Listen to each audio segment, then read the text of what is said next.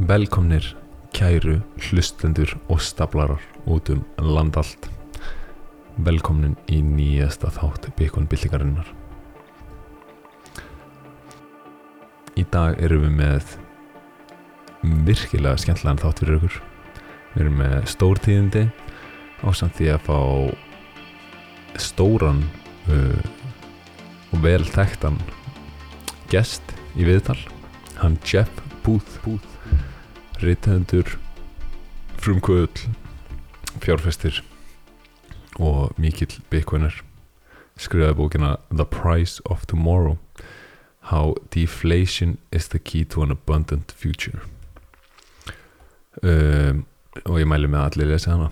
En áður en við byrjum þáttinn þá ætlum við að fara í tölunar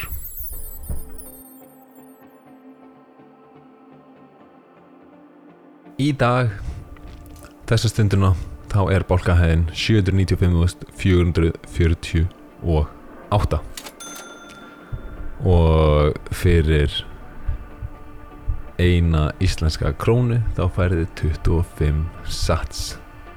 Hann, eh, hann lifir ekki lengur hann við fyrir undir 20 um, þessi helmingun er í 78,7% og það eru rétt rúmlega 44.000 bólkar í næstu helmingun. Spáði og hún verður í apríl og næsta ári þannig við býðum allir spenntir eftir því og spennandi tímar framöndan hvað það var þar en kannski bara slókum að segja að hérna, hasreitið er 700, 700, nei, er 375 exahash á sekundi og ég held að það sé bara fínt í byli njótið þáttarins.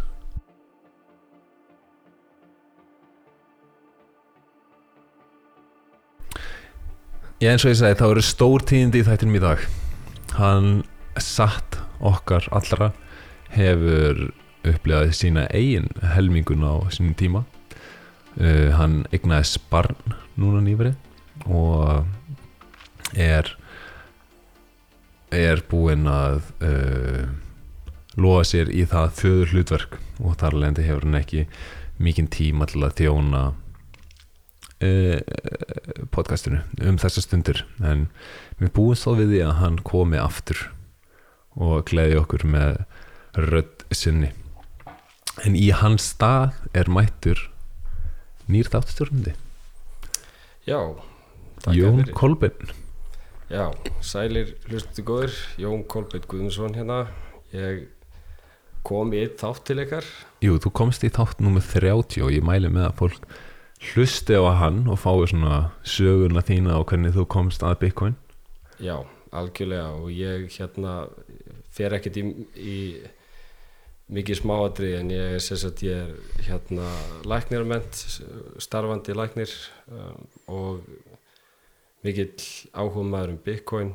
Ég uppgötta það í sess að varð Bitcoin maximalisti 2021 og hérna og ég er bara mjög þakkláttur fyrir að fá að taka þátt í þessu æfintýri og, og hérna ég er bara mjög spenntur fyrir þessu viðtali. Já, það er mjög gaman að fá þig. Um, Þú hefur verið virkur bæði á, á spjallinu á Bitcoin byltingin á Telegram og einni í austurísku hagfræði grúpunni þar sem við höfum verið að kafa út í svolítið þær kenningar. Já, við höfum verið að svona peppa hvern annan upp í, í, í þeim lærdómi. Og, og, og ég mæli með austurísku hagfræðinu, hún er uh, mjög, mjög áhugaverð. Já, hún er mjög áverð og fyrir þá sem hafa áhuga þá getið þið fara á Sailor Academy og tekið kurs frítt um austuríska hagfræði sem er settur upp af Seyfedin Amús höfundur Bitcoin Standard. Og það eru það er mjög gefandi og útskýrir heiminn á einfaldan hátt. Einu, ég ætla að bæta einu við þarna því að Safety on Amos bókin hans algjörlega orðin spilaði mig mm. The Bitcoin Standard. Nú var hann að gefa út bók sagt kennslubók í hagfræði sem heitir Principles of Economics. Einmitt. Og hún er, hún er algjörlega út frá austurískri hagfræði. Þannig Já. að þessi bók er, er, er, komin út og bara ég mæli með að sækja sér hana líka. Veistu, ég held ég eigi tíu indug sem býða eftir mér á posthúsinu þú verður að fara að sækja þær. Já, klárlega hlakka til. Mm, Ef ykkur vantar eindag þá getið þið heyrt í mér. Um, Já. Uh, Ég heyrði Jón og, og ég na, baði þannig að uh, taka við keflinu af Stefáni meðan hann hann er upptekinn. Og, um, og Jón var heldur betur til það og fyrir fyrsta þáttinn þá ákvaða hann að heyri í engum öðrum en Jeff Booth. Og Jeff Booth er komið viðtal til okkar sem við tókum hérna í gær og það kom bara virkilega vel út Þetta er maður sem að hugsa frá fyrstu lögmálum, grundvallaratriðum og ég bara mæli með því að lesa bókinas. ég mæli eindriði með því það var um, einstaklega góð bók og hvernig hann leggur þetta út er bara er svo einfalt og hnýtt með að, að það varð algjört svona lightbulb uh, moment fyrir mig Já. Um, og, og það er líka, þessi bók er áhugaverð að því leitum til að hann talar í rauninni ekki mikið um Bitcoin, hann rétt nefni Bitcoin í lokin en það sem hann er í rauninni að gera þarna í, í þessari bók er að hann er að útskýra frá þessum grunnlögmálum hvað er í rauninni að gerast í núverandi hérna fjármálakerfi og af hverju þetta gengur ekki upp. Ymmit og hann leggur það virkilega uh, vel út um, og fer út í hvernig tækni og framför er að valda verðhjöðnun en kerfið sem við lifum í ræður ekki við verðhjöðnun af því að þetta er skuldadriði kerfi þá má ekki við verðhjöðnun það verður alltaf að vera stanslaus verðbólga. Sæðlabankin er með markmið af 2% verðbólgu og og út af þessi tveir kraftar er að vinna gegn hvorum öðrum að þá mun það óhjákvæmilega springa og í leiðinni valda allskins örðuleikum en áður en að við förum í viðtalið þá ætlum við bara að fara yfir svona nokkra fréttir sem hafa verið í gangi frá því að síðast þáttur kom út. Það verður verið mikil tíðindi í heiminum. Uh, og þar er kannski uh, aðalega verðt að taka fram um, SEC eða svona verbrið eftirliti í bandaríkunum og að, að þau hafa sem sagt farið á eftir stærstu kaupullum bandaríkunum en þeir hafa höfða mál gegn Coinbase og Binance. Og hvað var það Coinbase þá eru þau sökuð um að selja óskar á verbref án tilskilin að leifa en Binance er einni saka um ímislega ólögulega viðskiptahætti eins og að veðja gegn notendum sínum til þess að hagnast á þeim og að samina notendum samina innegn notenda sem og sinn eigin reikning. Ásamt við auðvitað að selja óskráð og ólögulega verbref án allra leifa sem eru jú cryptocurrency rafmyndir Máli er það að það er mikill munur á verbreyfum, eh, securities og commodity er ráður. Hvað var að lögjöf í kringum það? Rávara, eða ráfurur eru eins og gull, silfur, aðri málmar, viður, ólja og svo framvegs. Meðan verbreyf er eins og hlutur í fyrirtæki. Svo hlutabrif í Apple eða MicroStrategy eða hvað, hvað sem það er. Og vanlega er talað um the Howey test til að skýra út hvort það eign sé verbreyf eða ekki. Ef eign stendst Howey testið þá er hún verbreyf. Þannig er það er að öll kryptotóken eru miðstýrð verbreyf og mér langar bara að spila einhvern stutt brot að gera gensler að orða þetta svona frekaskýrt pretty difficult thing to regulate. I mean, a, a thing without center is inherently hard to. Well, well, see, I'm going to challenge that a little bit. Please. Most of this does have a center. So Satoshi Nakamoto's eight-page paper that was put out on a cypherpunk email list. Yeah, that's kind of centered in a more decentralized conceptual framework and maybe a libertarian framework. Very much so. But by and large, the thousands of, of, of crypto tokens that have come since are highly centralized.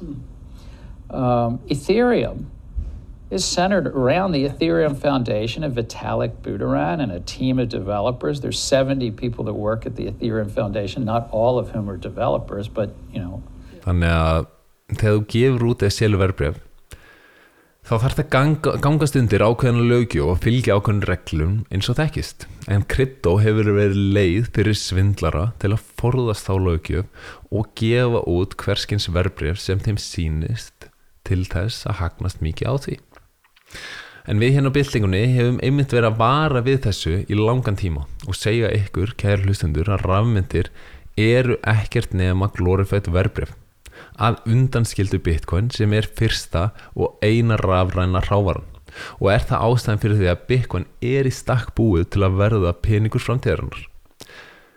Það má nú nefna að bæði Kristján Mikaelsson sem kom hérna í hlaðvarpið og held því fram að Ethereum væri ekki security sem og myndkaupstrákanir sem sýnir annarkvort hvað þeir skilja málum nýtla eða eru af illum ásendingi.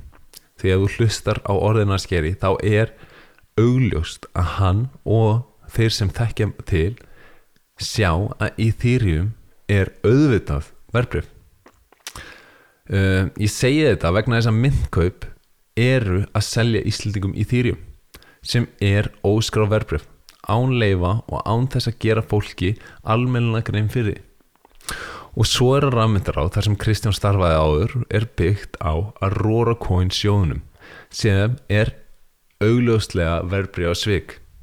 Nú veit ég ekki hvort fólk man eftir Aurora Coin en það voru verbrif sem voru gefin öllum Íslandingum hérna hérna áður nema að það eru aðilar á bakvið Aurora Coin sem að prímænuði bref fyrir sig áður en, þeir, áður en að þau voru gefin almenning. Og svo seldu þau þegar það hafði myndast markaður kringu þau til þess að stopna innan gæðislega non-profit rafmyndaráð sem svo borgaði þeim laun og gerir enn í dag. Um, en þetta, þessar fréttir frá SEC hefur farið um eins og eldur um sinu um Twitter heiminn og uh, margir stórir uh, þekktir aðgangar hafa verið svona að gefa sín komment á þetta.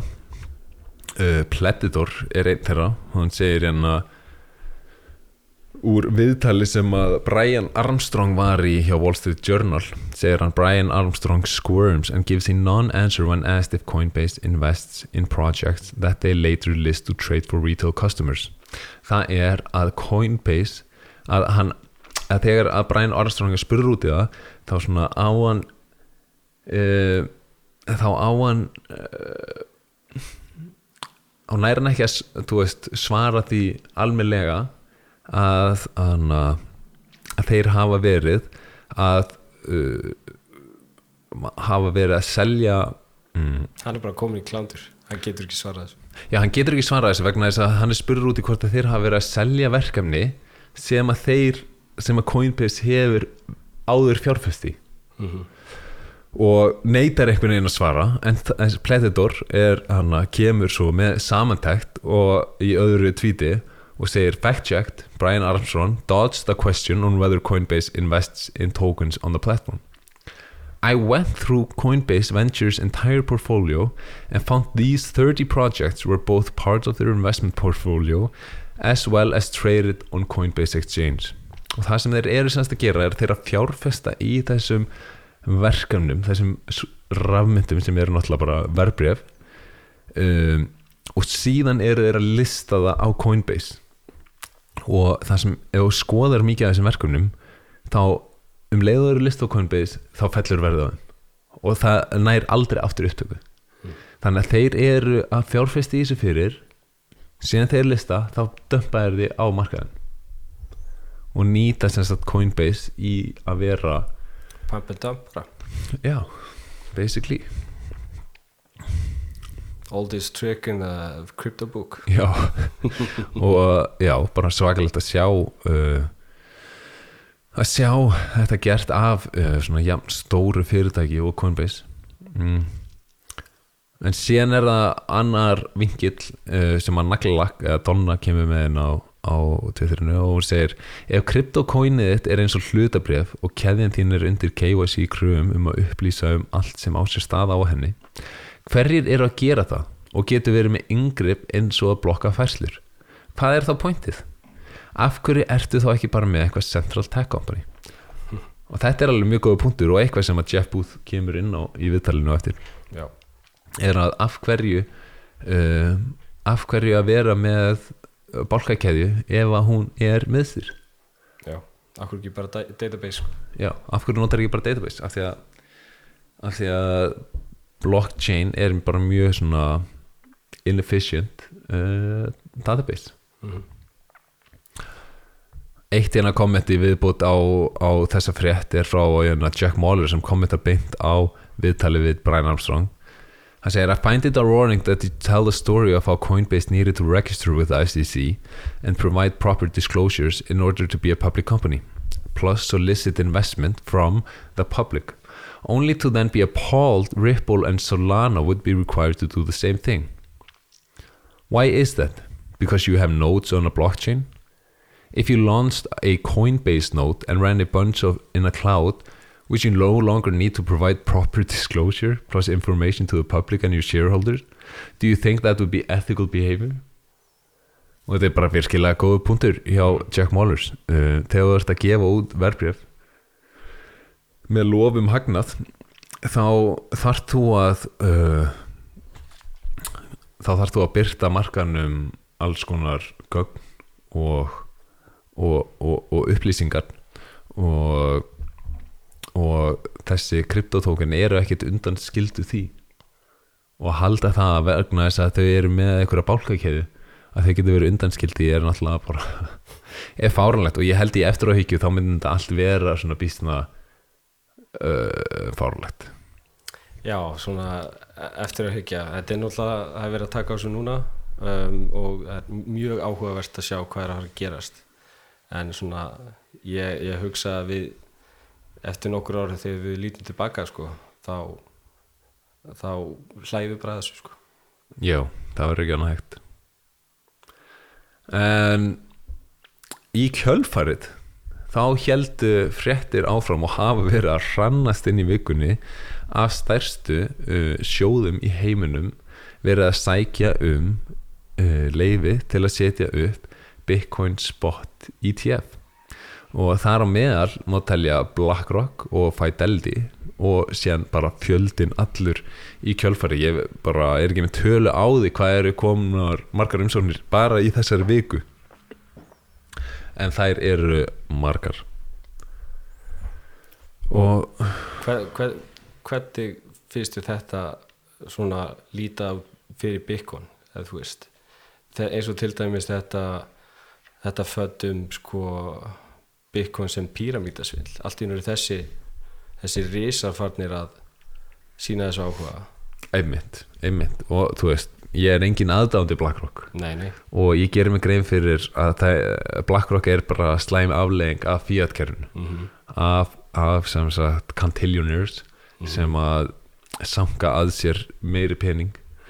Uh, en þá er þetta samt uh, viðurkenning fyrir svona normies þann úti sem halda að Bitcoin sé pyramidsvindl og nú þegar BlackRock er farnir að gefa út ETF þá er svolítið erfitt fyrir að halda, halda því fram að þetta sé bara eitthvað einmitt pyramidsvindl En þetta er líka umdilt í, í Bitcoin heiminum sko.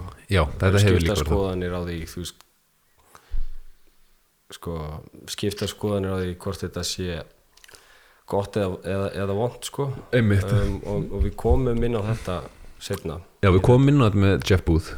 En þú veist, menn hafa verið að segja að þetta muni að, að BlackRock muni ný, reyna að nota þetta sem leiði til að taka yfir Bitcoin og með því að gefa út hérna papirs Bitcoin án þess að eiga alvöru Bitcoin á bakveða og einhvern veginn reyna svo að um, forka Bitcoin yfir í eitthvað svona ESG uh, sem, er, sem er stefna sem er þannig út í meðal fyrirtæki environmental, social and uh, ég man ekki eins og hvað ekki stendur fyrir. Nei, ég man ekki akkurat núna. Þetta er bara einhver, Governance, governance já, eitthvað svo leiðis en ég minna, uh, og sem sagt reyna þú veist, jável, ég með það er að þeir reyna að forka Bitcoin og búið proof of stake coin eins og gerist í Ethereum. Uh, þar sem að þeir svo halda á völdunum.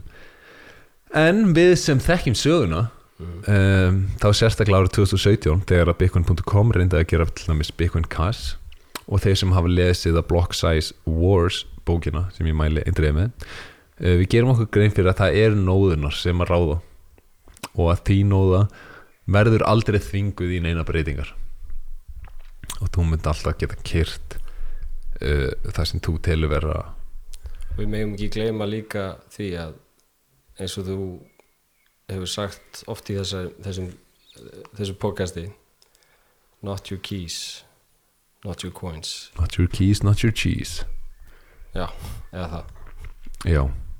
Og hann að minnum á já um, það er nefnilega þannig. Alltaf einum leiklum og ennþá eh, mik mikilvægt líka eh, kerðið þín eigin nóðu. Og ekki vera þræll einhvers annars nóðu. En áður en við förum inn í viðtalið þá bara vil ég þá vil ég minnast öll á að Bitcoin er komið til að aðskilja ríkið og pening meðan krypto er komið til að aðskilja þig frá peningnum vel orðað. Ég á ekki þessi sendingu en hún er góð og um, sann það er ekki bara? Jú. ég verið viðtalið Now, for our guest, uh, we are honored to welcome Jeff Booth to our Bitcoin Byltingin podcast, which would translate to the Bitcoin Revolution podcast in English.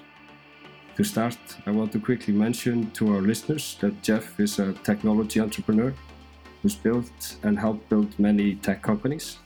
He has years of experience in business and uh, wrote a very influential book published in 2020 titled The Price of Tomorrow Why Deflation is the Key to an Abundant Future. I recommend it read indeed. Today, he is a highly respected thinker in the Bitcoin space and has focused a lot of his attention on investing and building Bitcoin focused technology. Welcome, Jeff. Uh, Ivar and I are honored to have you here today to talk to us.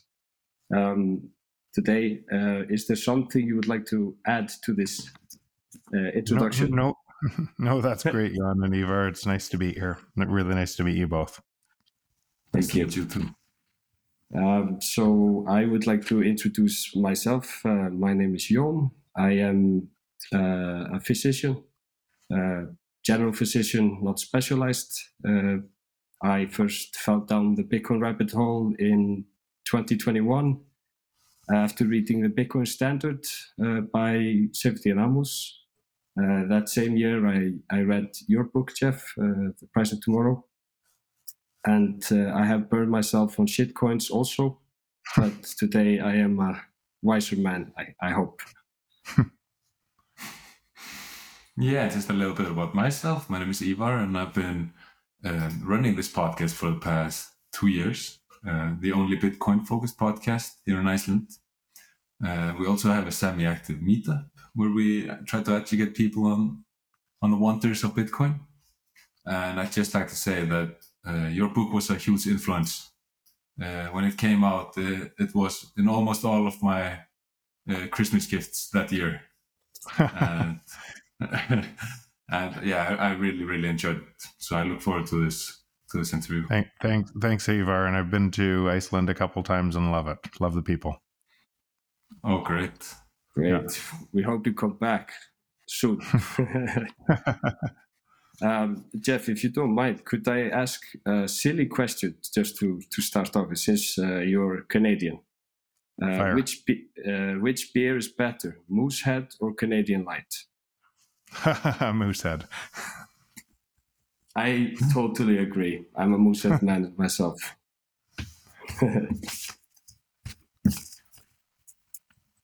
Okay, so I'd like to uh, kick it off because we've seen in the Icelandic media uh, a little bit of FUD surrounding the crypto space. So we've seen that the SEC has clamped down on crypto exchanges such as Binance and Coinbase, categorizing a lot of those crypto tokens as securities. Um, what are your thoughts on the enforcements, and how do you think this might affect Bitcoin in the in the future? Uh, so I think they've always been securities. Um, and this was uh, so uh, uh, Jan. I heard you say you uh, played with some shit coins, um, and uh, and then found Bitcoin. I never did because, and I'm not saying smarter or anything else. I just I, I just looked at this as a first principles standpoint, and ultimately anything that could be centralized didn't have an application um, that could stay independent. So so why would you why would you use a centralized blockchain with when a database is more efficient? Is is pretty so so so if you're going to centralize a function, you might as well expect you essentially mandate government to take it over. And so uh, nothing here is a surprise. Um, the only thing that is decentralized and secure is Bitcoin, and the rails of the, uh, the rails of commerce is going are going to be rebuilt on top of it. Uh, you have a, essentially a peer to peer internet being rebuilt on top of Bitcoin that is tied to energy and is decentralized uh, is decentralized and secure. Every year it gets more decentralized more secure and that's observable from the evidence that you, you see in hash rate and, and mining spreading around chasing abundant energy. And everything else will be either centralized or insecure and will be attacked by governments. Um, so, a big part of my thesis in understanding Bitcoin was understanding exactly that. Um, why was it different? What was different about it? I do understand that for a long time bitcoin couldn't be built on top of so you had something that was mm-hmm. decentralized and secure and but you couldn't do anything with it except for get rich by holding it so in that market where people were getting rich by holding it um, it would be and and and a lot of other people inside a market where they were losing value on their money in in just holding fiat currency, you could imagine that it would create this market of a bunch of people saying, "I'm going to do Bitcoin, but better." Right, I'm going to do this other thing, but better. And so, and then there would be a whole bunch of exchanges that would get rich by by essentially selling people in and out of fraud of scams getting paid on both sides of the scam. Um, and and so the more coins that they held on their exchange, the better that they would do. So I have, I have no doubt government is going to go after those, and and as well they should. Yeah. Would, they, they what, seem also uh, quite attractive, uh, you know, on the outside uh, as a get rich quick scheme, and then you have these rug pulls and and and people get uh, yeah burnt by, by, so, by this. So, yeah, so I wrote an article over a year ago now that explained what was going to happen here um, at a first principles level. Um, the uh, it's called finding signal in a noisy world you can find it on my website at jeffbooth.ca but that was that was written before a bunch of the scams got exposed um, and it laid out the the case for what we're talking about here, um, and why why if essentially if money was just information, and people don't want more money, they want what they think more money will buy them. So money is just information describing what you really want, and to think about that, if you wanted more money, um, and it was just money, then an Argentina peso would be worth the same as a US dollar you want the value of what you think money will buy you. Um, and that comes in terms of I think it'll buy more for my family, for my kids. I think it'll buy more love. I think it'll be a whole bunch of, uh, it'll get me an extra trip. Essentially, it's a ledger that describes what you have and what you think you need to get to what you want. So that's all money is. It's just information describing that. So you if you applied misinformation and money, by manipulating money and everybody was living in that misinformation then then and you automated that through technology through so, social media and such then it would create misinformation everywhere at a faster rate and that misinformation is what people are looking through through and that's why they find it confusing. Uh, what's what's happening? We're living in such a transitionary time, and and it's easy to get caught in these scams because of that misinformation. Yeah, and I can imagine that with this uh, clarity that comes from this enforcement, that we should see uh, better focus on Bitcoin in uh, in the next run. I, I, would say so, but it but quite honestly, it actually doesn't matter. The the the and I, am going to simplify it. uh, Really try to really simplify it for uh, for for your audience here. Um, prices and economics, no matter what, what uh, economist you would talk to, everybody knows what I will say right now. Prices fall to the marginal cost of production right? Meaning, no matter what, prices will fall. You can regulate an industry for a short term to be able to stop that from happening. But no matter what, over the long term, prices fall to the marginal cost of production. So, the marginal cost of production of your calculator app on your phone or your photos on your phone is now zero. It's a line of code. And that's why they're also free on your phone. Um, and so prices but prices always fall to the marginal cost of production it's why oxygen is free the most important thing in your life is free right now that you're breathing right but it's free here but it's not free underwater or it's not free in space because prices fall naturally once the entrepreneurs attack those margins until there's one penny left till there's no penny left then the entrepreneurs go and create value somewhere else so it's why prices fall to the marginal cost of production so number one we know that tick two um, we have exponentially increasing productivity with artificial intelligence and robotics. And so prices should be falling exponentially. They should be falling that fast. And the only thing that could measure prices falling at that rate is something that had fixed units that was measuring that. So Bitcoin having fixed units that's measuring that at 21 million Bitcoin is actually not going up in price. It's measuring all prices coming down against it and it will forever. And and the existing system why people think prices go up is because they're measuring from an existing system with an expanding denominator.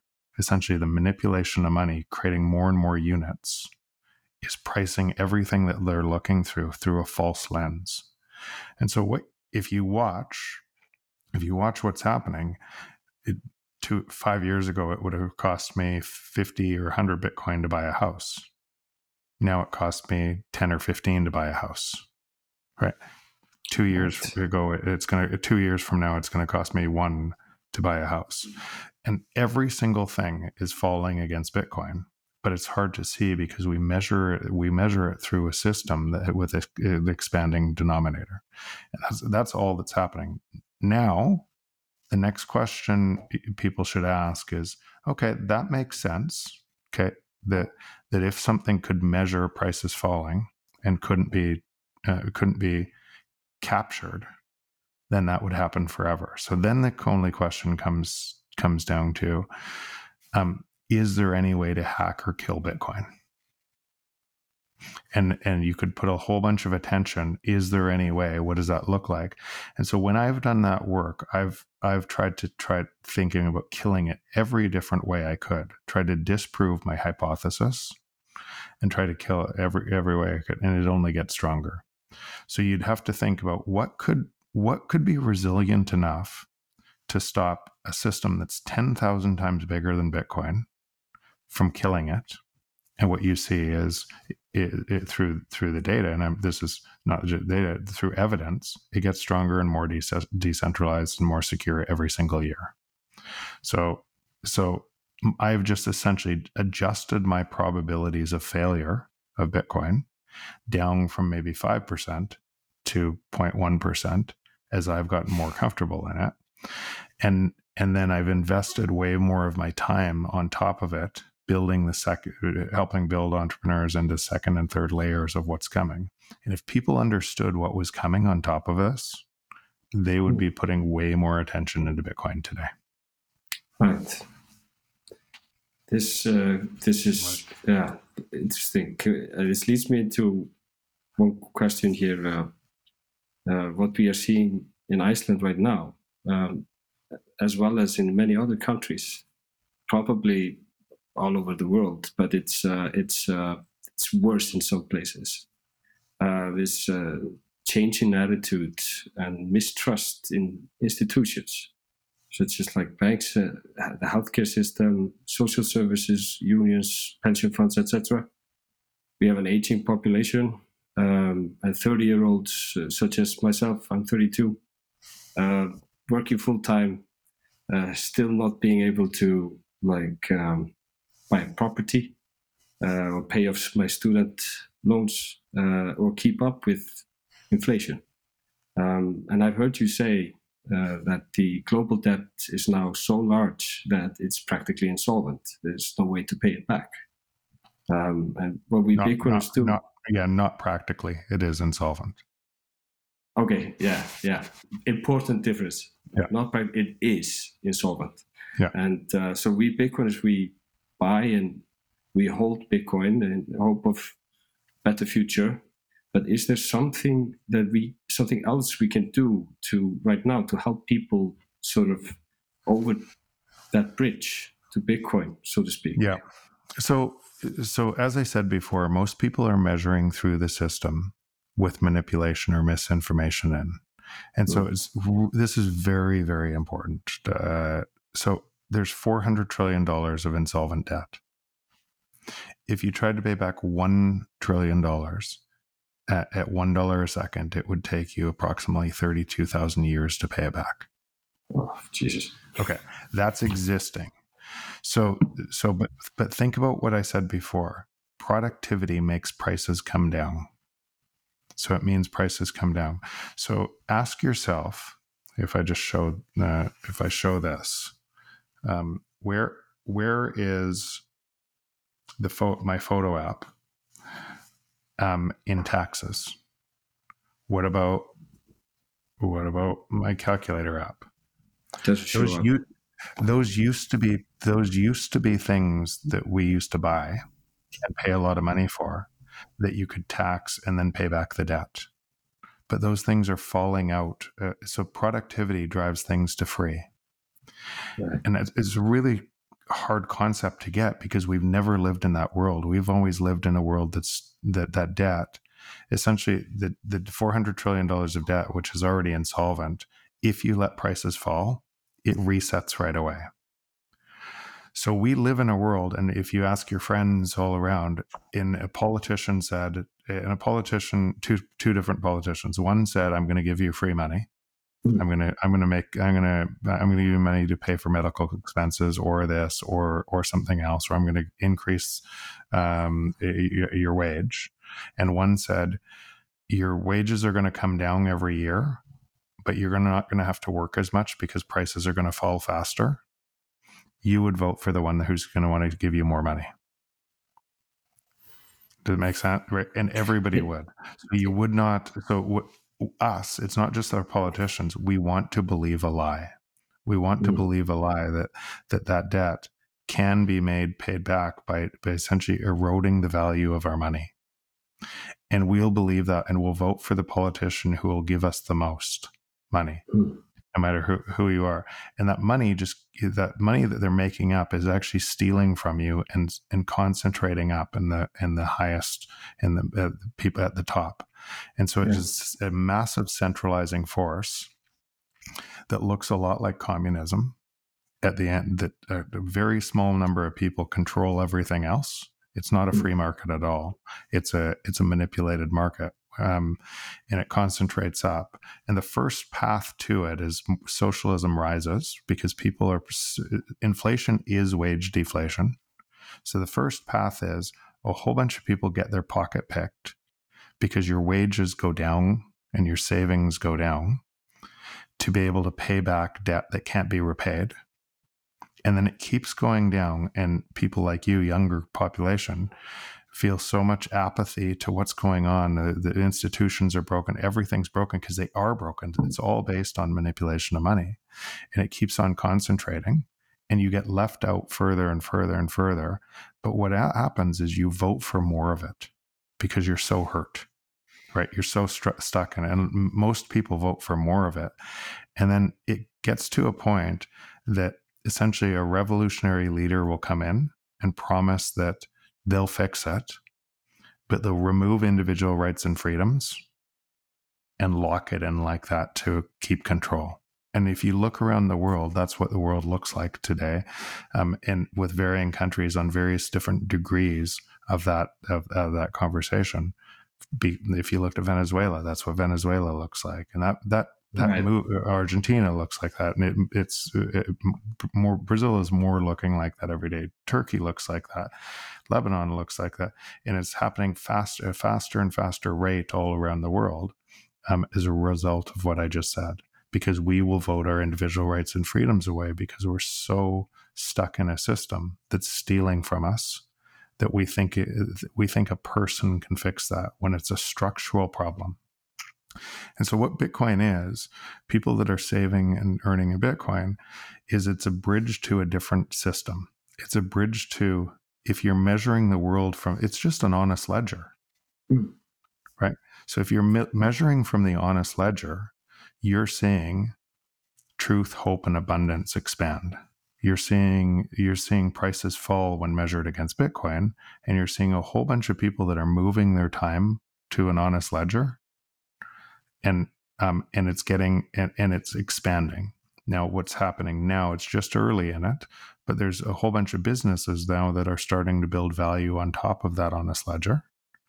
And and lightning where you can transmit um, value around the world on top of that in fraction a fraction of a second at a fraction of a penny to be able to uh, to be able to move value. And there, there's essentially you could call it 200 300 million people size country that's on bitcoin and, Mm, yeah. and and getting stronger and stronger and stronger. And so Yeah. there's nothing that can there's nothing that's going to stop that and there and the amount of i can tell you for sure from investing in the space from from what's coming that people don't even know that's coming is it's extraordinarily exciting. It's extre- and and and the world it it builds a bridge to help the world transition from a system that cannot transition itself. There's nobody in the system there's no institution. There's no political party. There's no single the person that could make what i said before the 400 trillion dollars of debt solvent. It's insolvent. And the people that are moving to bitcoin are just not paying for it. They're building the new road. And if you're saving in fiat essentially what you're doing is saying i'm going to pay for the 400 trillion dollars through my labor and uh, by by destroying the value of my labor at an ever increasing rate if you're living in the fiat world these these concepts they sound a lot like uh, Mises, like uh, the Austrian economists. You know, they they um, they they seem to have figured this out a long time ago as well, before Bitcoin came along. Yeah except for there was no way to actually make it happen Yeah, because be, be, so so a lot of these concepts and and and Mises I, I think a, lot of those concepts fun, funny enough I never read Mises until after I read, wrote my book Mhm. and I came to the Oh. same conclusions um, through a different lens and and so no matter what I'd say when you if you'd say communism uh, socialism, capitalism, uh, libertarianism, all of these uh, Austrian economics, all of these concepts um, are, and, and I think uh, Austrian economics is one of the most right ones, but all these concepts were were from a different system that could never exist until Bitcoin because you it, because essentially you couldn't have decentralization and trust to get uh, together together. You had to have an institution because you couldn't have money that had that decentralization and security. So you had have an institution imbued with trust to protect people from the institution uh, harming them. And then you'd put law, you would enshrine laws so the institution couldn't get too big and and and take people and change the rules.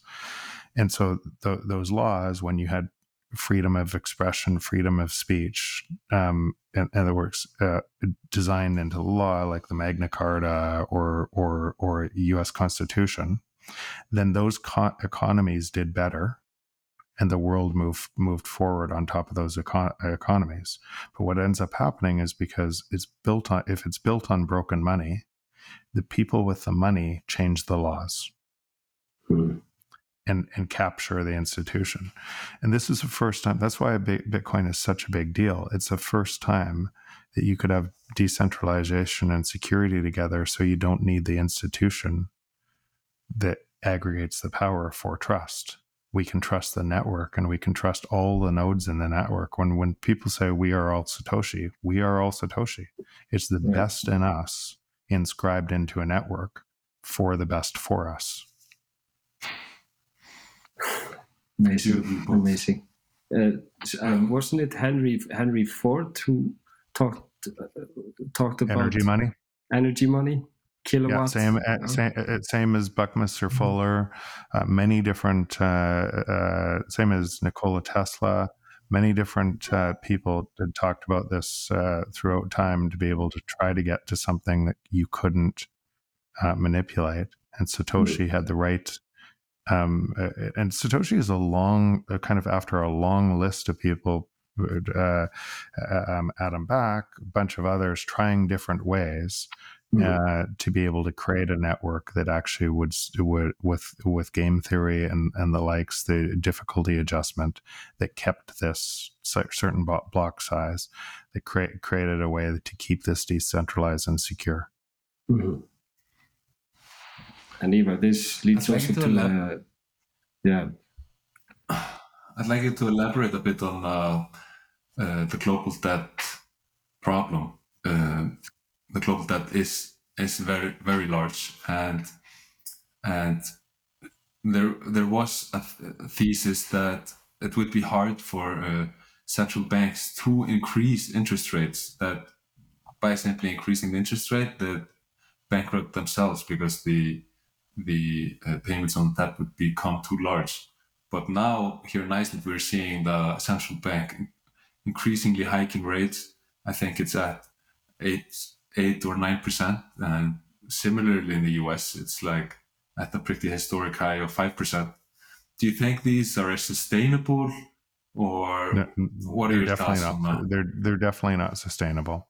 So these things take, and and why if you understand this at a first principles level, then you re- you'll realize that the chaos that you're hearing and all the people talking about things, what they're going to do, what central banks are going to do, how stocks go up and down with each kind of thing that Fed says or anything else, it's all the just noise and there's nothing that they can do. And if you understand this at the first principles level, you realize I'm just going to stay out of the noise and stop kind of because because it's going to get a lot worse. And and one of the thing's uh, just to highlight why I, I I say this is there's about an 18 month lag from the time a central bank says something or does something, not say something, actually does something, remove liquidity, add liquidity, to the time it shows up in the market. So remember in uh, in March of 2000 when you had five six trillion dollars of new liquidity injected in, essentially new money, changing the denominator at that rate, is you're just going to reprice everything with inflation to be able to uh, to be able to go through. But remember what the policymakers said at the time. Remember what the economists said. There's not going to be inflation. Don't worry. There's not going to be inflation. And about nine months later, they said, "Don't worry. The inflation is just small, but it's transitory." And then about 18 Yes. months later, they said we have high inflation. and so Yeah, so if somebody is wrong over and over and over again, why do you keep listening to them? Isn't the, why, and they're mad. still on TV and they're still on. Effect, effectively, all of the people are are are getting paid uh, lots of money for telling you the news about here's the weather today. Look outside. Here's the weather. They're not they're not telling you the future. They're telling you the present. And Mm. so, um, but they're telling you like they know the future, and they don't. And it's because of that 18 month lag.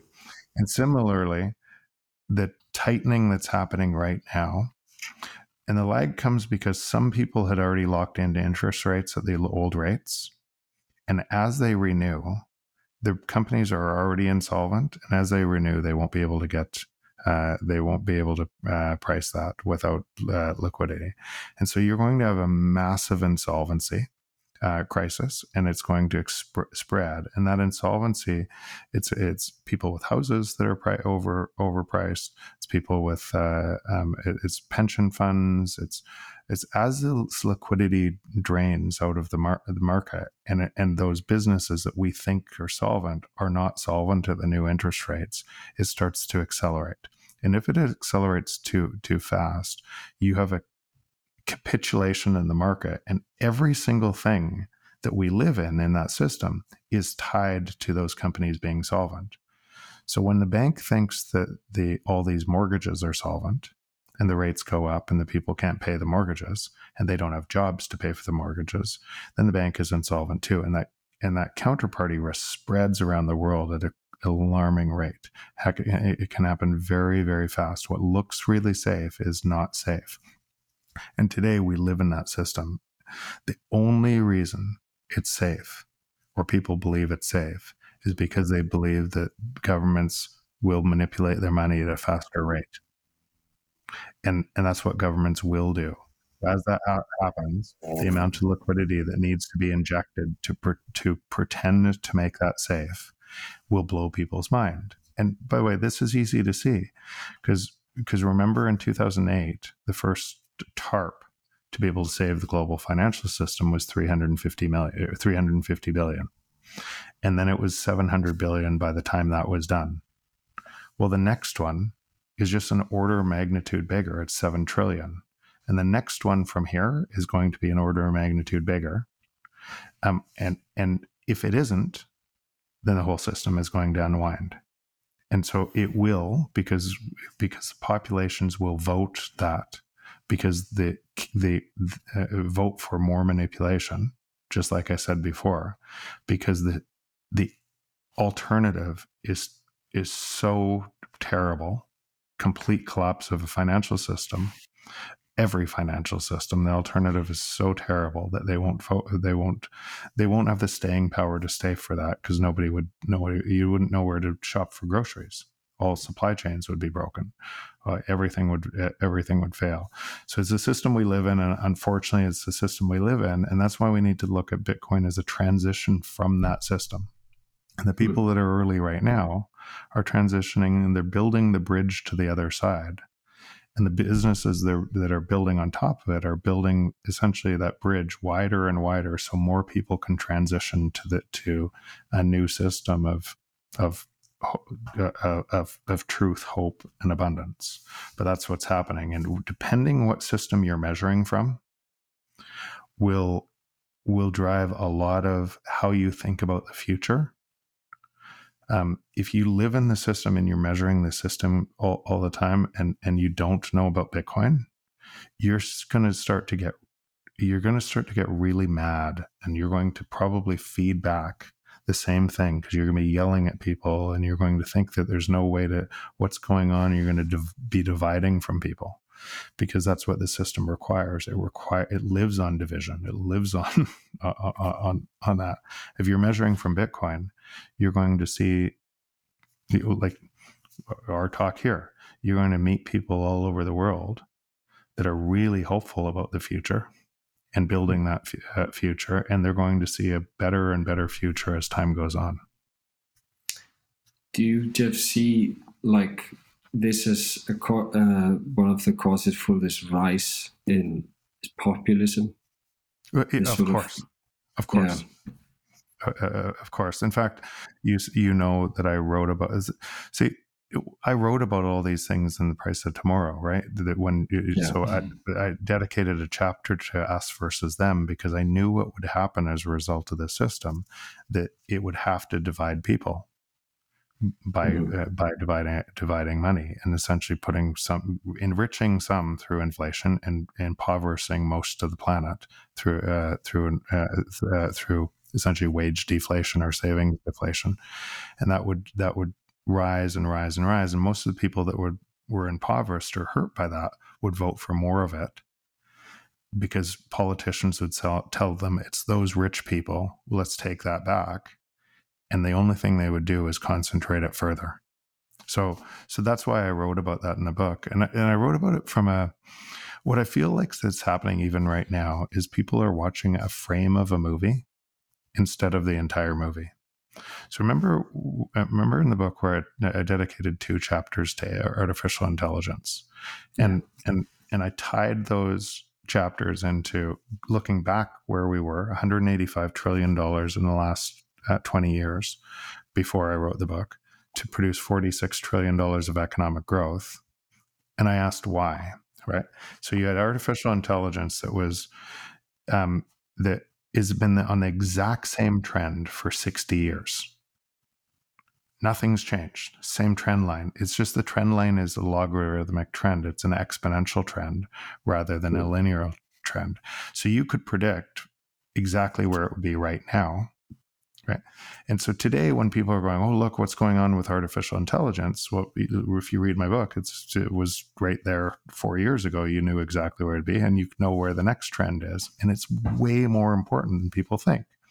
But yeah. that trend line meant why I, why I said in the book that I wasn't worried about the 185 trillion producing or 46 trillion dollars of growth 185 trillion. I was worried about what happens at the next step when it takes 900 trillion to produce hmm. 46 trillion dollars of growth and how much stealing of, of money would have to happen uh, from that and it's caused because these two are completely different forces one force that artificial intelligence and technology is trying to make prices fall at that rate at that rate so so you have more time you don't have to work as much. You get every day you you get more for less. That's one trend. And you have an existing trend our existing financial system where most people are measuring their life that is exactly opposed to that. It has to print money is fast eh, faster than the rate of technology to be able to capture and control that from from failing so that's what that, that, in fact, that's why I wrote my book because I worried about the impact on my kids. I realized they wouldn't w- grow up in the same with same life as I did, and nobody was talking about it. Hmm. It's, it's so incredible that people have been fooled into this concept that deflation is bad for them. When from yeah. first principle point of view, it's it's obviously good. You know, goods and services become cheaper. Yeah. So so why they why they are is deflation is bad for them from a credit based system.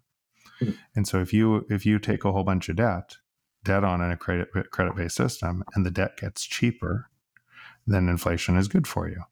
And if you if you don't have a bunch of debt and you have or, or you have savings or you have productivity in your job, then deflation is excellent for you. So what we're doing is we're actually we're we're essentially pretending a whole bunch we're, we're enriching people through theft.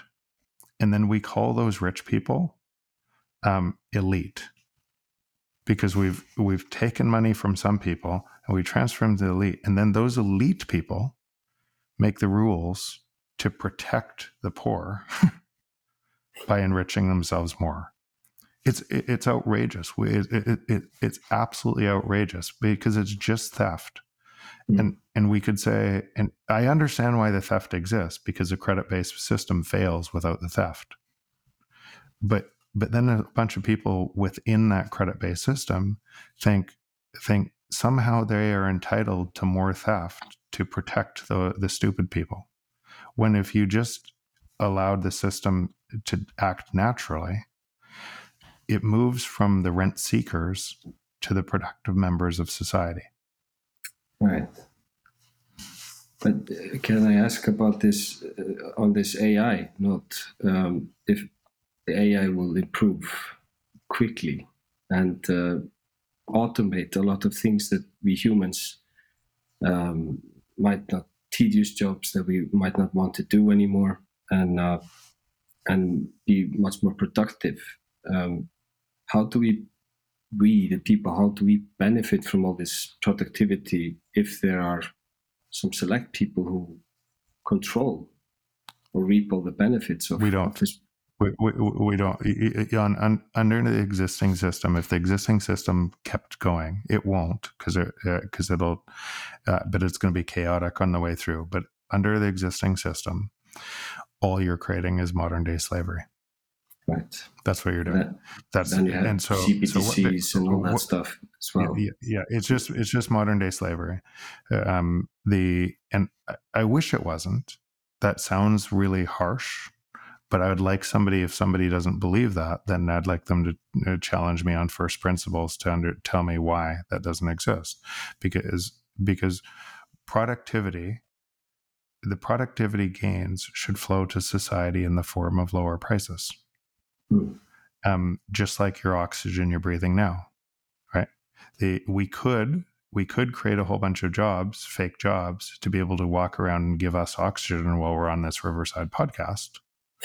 But it sound, would sound ludicrous, right? Is it something sounds as ludicrous. It, it sound, but but wait till you hear people say, "Let's tax the robots and let's tax the AI." It's just as ludicrous, right? Because it, had- because what yeah. you, it, it, you're gonna hear, you're gonna hear all types of people saying that because what they're trying to do is capture more of the power in it for themselves. You're going to hear all types of people say that to do when when the point of technology is to allow you to have more for less. It's the entire point. And if you allow those prices to fall, society benefits. Hmm. So, um, and and so, if you have, if we live in a system that can't allow those prices to fall, then we have to advocate for a system that does allow those prices to fall. And Bitcoin is the only system that will allow those prices to fall because it can't be captured by the state. Right. But there has also been talk of, you, I, I remember there was this candidate, Andrew Yang, talked about, uh, he was a proponent of UBI. UBI. Uh, and, uh, you know, because he, So- he, he talked about this automation of truck drivers, he used truck, truck driving as an example. And uh, I'm sure there are countless other examples that would be automated by AI. Um, and, and the solution was po- possibly UBI, but uh, how can UBI fix any, anything? So so Andrew Yang didn't understand Bitcoin until I talked to him at depth and I went on his podcast and everything else and then he understood, oh my god. So Oh, he had the right he had the right problem but the Mhm. wrong solution to the problem. But Right. once you have the wrong solution for the problem and everybody loves you for that solution, it's hard to say that's the wrong solution, right? Because Yeah. everybody believes that, that that he built his entire presidential campaign on that solution. And many others do, Bernie Sanders and all those. And so you attract more power from a whole bunch of people who believe that that's a solution. But you just have to ask yourself, where does the money come from from UB for UBI? And it must come from right slowing down the price of uh, of things falling to to to to so it, it must capture uh, uh, capture that in very few ha- hands. Um, it might be one of those solutions that's used along the way to get there. Maybe it's used in Bitcoin terms to be able to to transition, or maybe states that acquire more Bitcoin will have more ability to incent their populations to be able to get there. But it cannot be a long term solution because it transfers all the productivity in very few hands. um, th- yes. Let me put- Ivar, there was one question we wanted to ask Jeff about uh, mining. Um, Yeah, yeah, I'd like to bring it uh, back here home to Iceland. Mm, so our country is uh, is rich in energy. Uh, we have about seventy percent hydro- hydroelectric, thirty percent geothermal, and Iceland's relatively cool climate and cheap electricity has attracted lots of Bitcoin miners here who have set up shops. But this has not been without controversy, however and we've seen lots of pushback in the media against Bitcoin mining, uh, viewing it as bad for the environment and a complete waste of energy, they say. uh, and this has been a pretty loud uh, that goes around here. So, could you elaborate on this a bit for us? Yeah. So, uh, so this is it. It's not that complicated, but it uh, but it would be from people measuring the existing system. So, so at, uh, for anybody at the highest level, I would ask this from anybody who thinks Bitcoin mining is bad for the environment, because what we're actually talking about is a phase train change that allows society to get more for less? And that means you don't have to work as hard to get more you, because the money is being manipulated. So because today the money is being manipulated, more people, more families have to have two jobs, two cars, two everything to be able to, to spend more and more on a hamster wheel that goes faster and faster and faster, um, only because the money is manipulated. So what that means is you have to grow forever on a finite planet by manipulating money. And I would that is environmental change. Growing growth for the sake of growth on a finite planet is in, uh, climate change. So from the system, all things that would stop what I'm saying is essentially climate inflate. You could simplify what I just said and say inflation equals climate change. Right? Uh, you could simplify that. yeah, we agree. Um, so so, but a lot of people wouldn't see that because they they they're measuring from the system and they're measuring essentially through that misinformation essentially who controls that misinformation. Who controls it is people at the top all the media outlets that actually get rich out of that all of the giant funds that get rich out of it that want it to continue. So it has all of the lobbyists that want it to continue. So essentially from that system you've convinced an entire population effectively that energy is bad. And and now you have uh, increasing energy is, is bad because what bitcoin does is it chases abundant energy wherever it is. Change chases um, clean abundant energy um, where where wherever it is. And it stranded uh, energy also. and stranded energy methane capture um, it is it is actually literally the best thing for our planet is the only way we transition to an abundant future for for the population uh, that I've seen is Bitcoin because it gives an economic incentive to be able to do that. I'll, I'll give you an example in BC where I am from with lots of energy as well. Um, and when when you realize that energy sent, sent to to feed the city, energy centralizes because it has to handle peaks. And so when we built the Site C dam in BC, um, then to pay for the Site C dam after the Site C dam was was built because it had cost overruns, what they did is all of the secondary dams that were privately owned, they shut off, said you can no longer sell to the grid anymore. Because what happened is the energy prices went negative and they couldn't pay for the Site C dam. So a, we had abundant energy. We had lots of energy. We chose not to use it because we because of the cost to to be able to pay back the the the, co- the cost. And and just in that little example, what you can see is how much energy do we have on this planet? We have abundant energy. We don't have a pricing mechanism to be able to capture that energy. I was just with the CEO of Gridless, and uh, who's uh, building energy systems in in Africa, and because of Bitcoin, they're their power they're they're build they're mining bitcoin on the uh, uh, uh, uh, in in streams and dams all across africa um, and providing the excess energy and building building energy abundance clean energy abundance and and electricity uh, microgrids effectively all over Africa. So so now society thrives, and the and, and they couldn't, and, and no one would go in and build the capital cost for those villages in Africa. But Bitcoin chases that and makes and, and allows them to have clean, abundant energy as a result of Bitcoin. And so this that's happening all over the world, and it's unstoppable because now you have an economic incentive to to to build abundant energy. That's wonderful. I mean, why isn't this talked about more? I mean, because because most people I talk about it all the time. I have been talking about it all the time from for the last four years.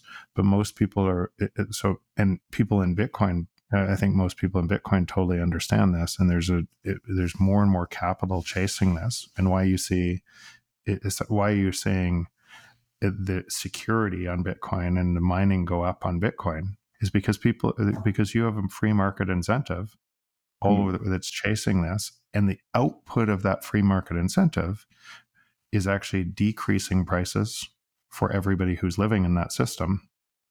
You can see that that transition, but wh- why is nobody talking about it? Because they're they're looking at the media that is controlled by the existing system who think who who is enriched by the existing system who the more people think bitcoin is bad they'll stay in this system and try to fight it and so they're looking through the misinformation that's mm. that that's why uh, but but there's it, it, it's already happening and there's no possible way that'll stop um, there's mm. nothing that they there, there's nothing that the that that media could you can't tell a lie against the truth once people once people see it.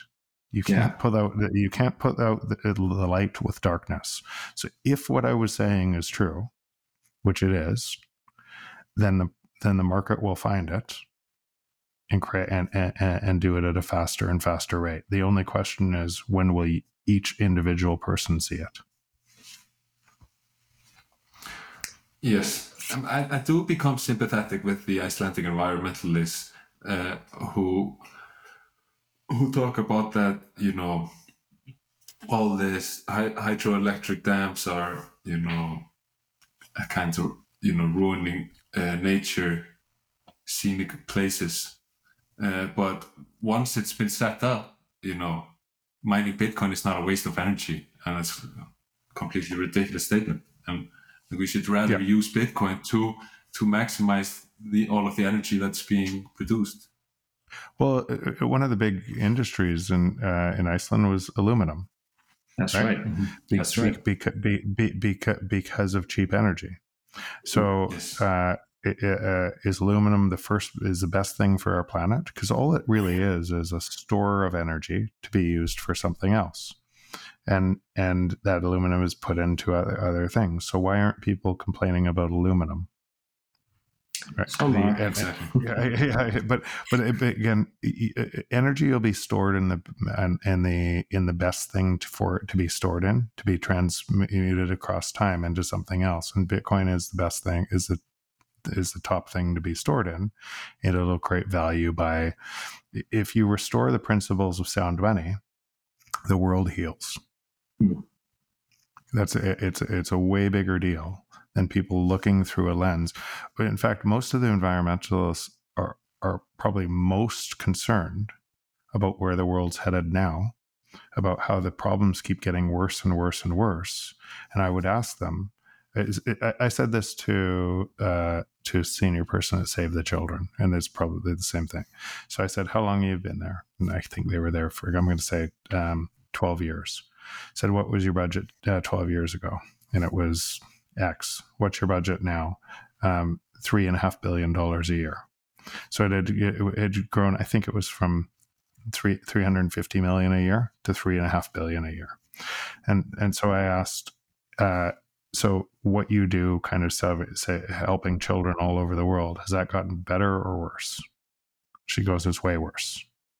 And, hmm. and so, okay, you've spent 10 times as much in 12 years, spending 10 times as much uh, in 12 years, and the problem has gotten worse. So, who do you get your money from? And, and she, and, and that, and then she finally saw, huh, it's a system problem that has to make it, make it worse. And it's all about the money. And so when and that same thing is applied to environmentalism as well. So I understand I have empathy for what people are looking through because they're looking through a system that's getting worse and worse, and that fear is making them more advocate, more uh, just that division around society is driving people apart because they're so sure that it's something else, but they've never looked at the money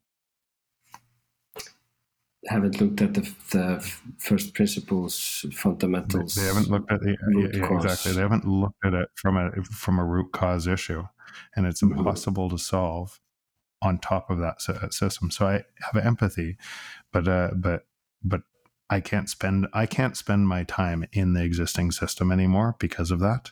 I have to spend my time building the new system as fast as I can because it's the only thing that's going to it's or it's the it's a way that I can contribute the most my my time value to be able to help help people the most and they'll see it in their own time. That leads me perfectly into Yes. one more question. Um, investing in the future. Uh, if I could ask you now, uh, uh, what uh, what do you find to be the most exciting new development uh, happening in the Bitcoin space and on the Lightning Network? We know you uh, run Ego Death Capital, and uh, you invest a lot of your, of your time and money in helping these uh, startups, Bitcoin startups, as a consultant. Uh, could you tell us a little bit about uh, what you find most exciting right now? All of it. okay. And I mean, like, I cannot believe I get to do what I get to do. If if people under so if people look at Fedi, uh, uh, Fedimint, uh, uh, Fedimint open source, and Fedi, um, on top of that, um, what that is going to do is it's going to create um, a um, an operating system that works on top of uh, a federated operating system that works on top of Bitcoin. It's going to be like it's going to be like if you wanted to use Apple but you didn't want to pay um, 30% fees to the App Store. Imagine what that looks like. So no control, a federated version, um, uh, and and an interchangeable money in inside that. Um, it's so powerful it's game changing um, but it takes right now today on self custody on bitcoin people have a hard time on self custody so a lot of people risk their coins on exchanges um, and the one of the first I call it modules on fedi Mm. is a federated version of self custody where you could trust if i wanted to to hold my uh, uh, coins on on my own federation i could put my family is a federation. Hmm. And so if three of five of my family said, "Oh yeah, Je- that's Jeff," even if I lost my coins, they could restore my coins because they're they they're essentially my multi-sig at the bottom of that. So now if you think about that trusted network and how things it's way more trust than exchanges because you can make uh, make these and the recovery is very simple as well. So it's created a, a really a, a really uh, create another one of the, their modules was a recovery module. Hmm. um, but from there now you have a, bunch of these federations that um, and they use Chaumian cash on top of bitcoin.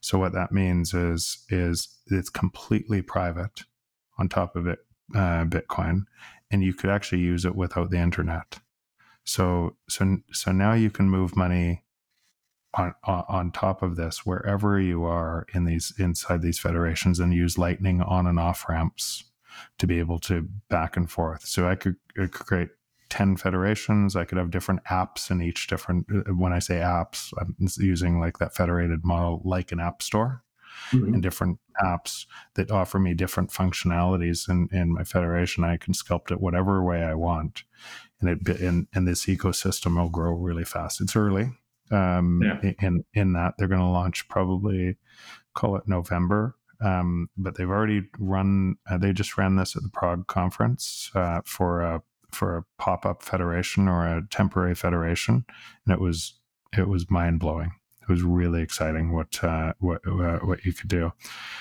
There's uh, we invested in Relai, which is a European Bitcoin only exchange that is uh, that and again a lot of these Binance and everything else they're um, I they're, from it. they're all yeah so so fantastic exchange thinking non-custodial thinking lightning and and um and and so kind of what's what's happening right now is all the honest actors all the long-term bitcoin companies that are thinking long-term and what's best for people on this and have been building this is they're accelerating and accelerating and it's going because there was a whole bunch of dishonest people in the kind of the cryptocurrency space. Crypto so all the people that would be exactly exactly exactly. So that uh, that's exciting. Uh, we invested in Breez which offers non-custodial uh, non-custodial wallets to everybody in an sdk to uh, to build on top of it um, uh, ex- uh, exciting. Synota um, is uh, is taking energy and pricing energy in real time. And so, if you think about an energy uh, utility who's selling energy, let's say they're selling to a Bitcoin miner. Well, the good thing about a Bitcoin miner is the Bitcoin mi- uh, mining operation buys when no one else buys, buys when pricing is. So they set a price, and that's really good for an energy company because uh, because now the energy company can build for peak power and know that they they can overbuild and have a Bitcoin and, and have somebody buy when prices are low. The bad thing about Bitcoin mining is it's such a counter cyclical business. About those Bitcoin miners go broke. Mm. So so they want those customers for the help in managing their utility, but the bunch of the, the customers 90 days later don't pay them. So Synota has created uh, a pricing mechanism where you pay literally for watts through Lightning.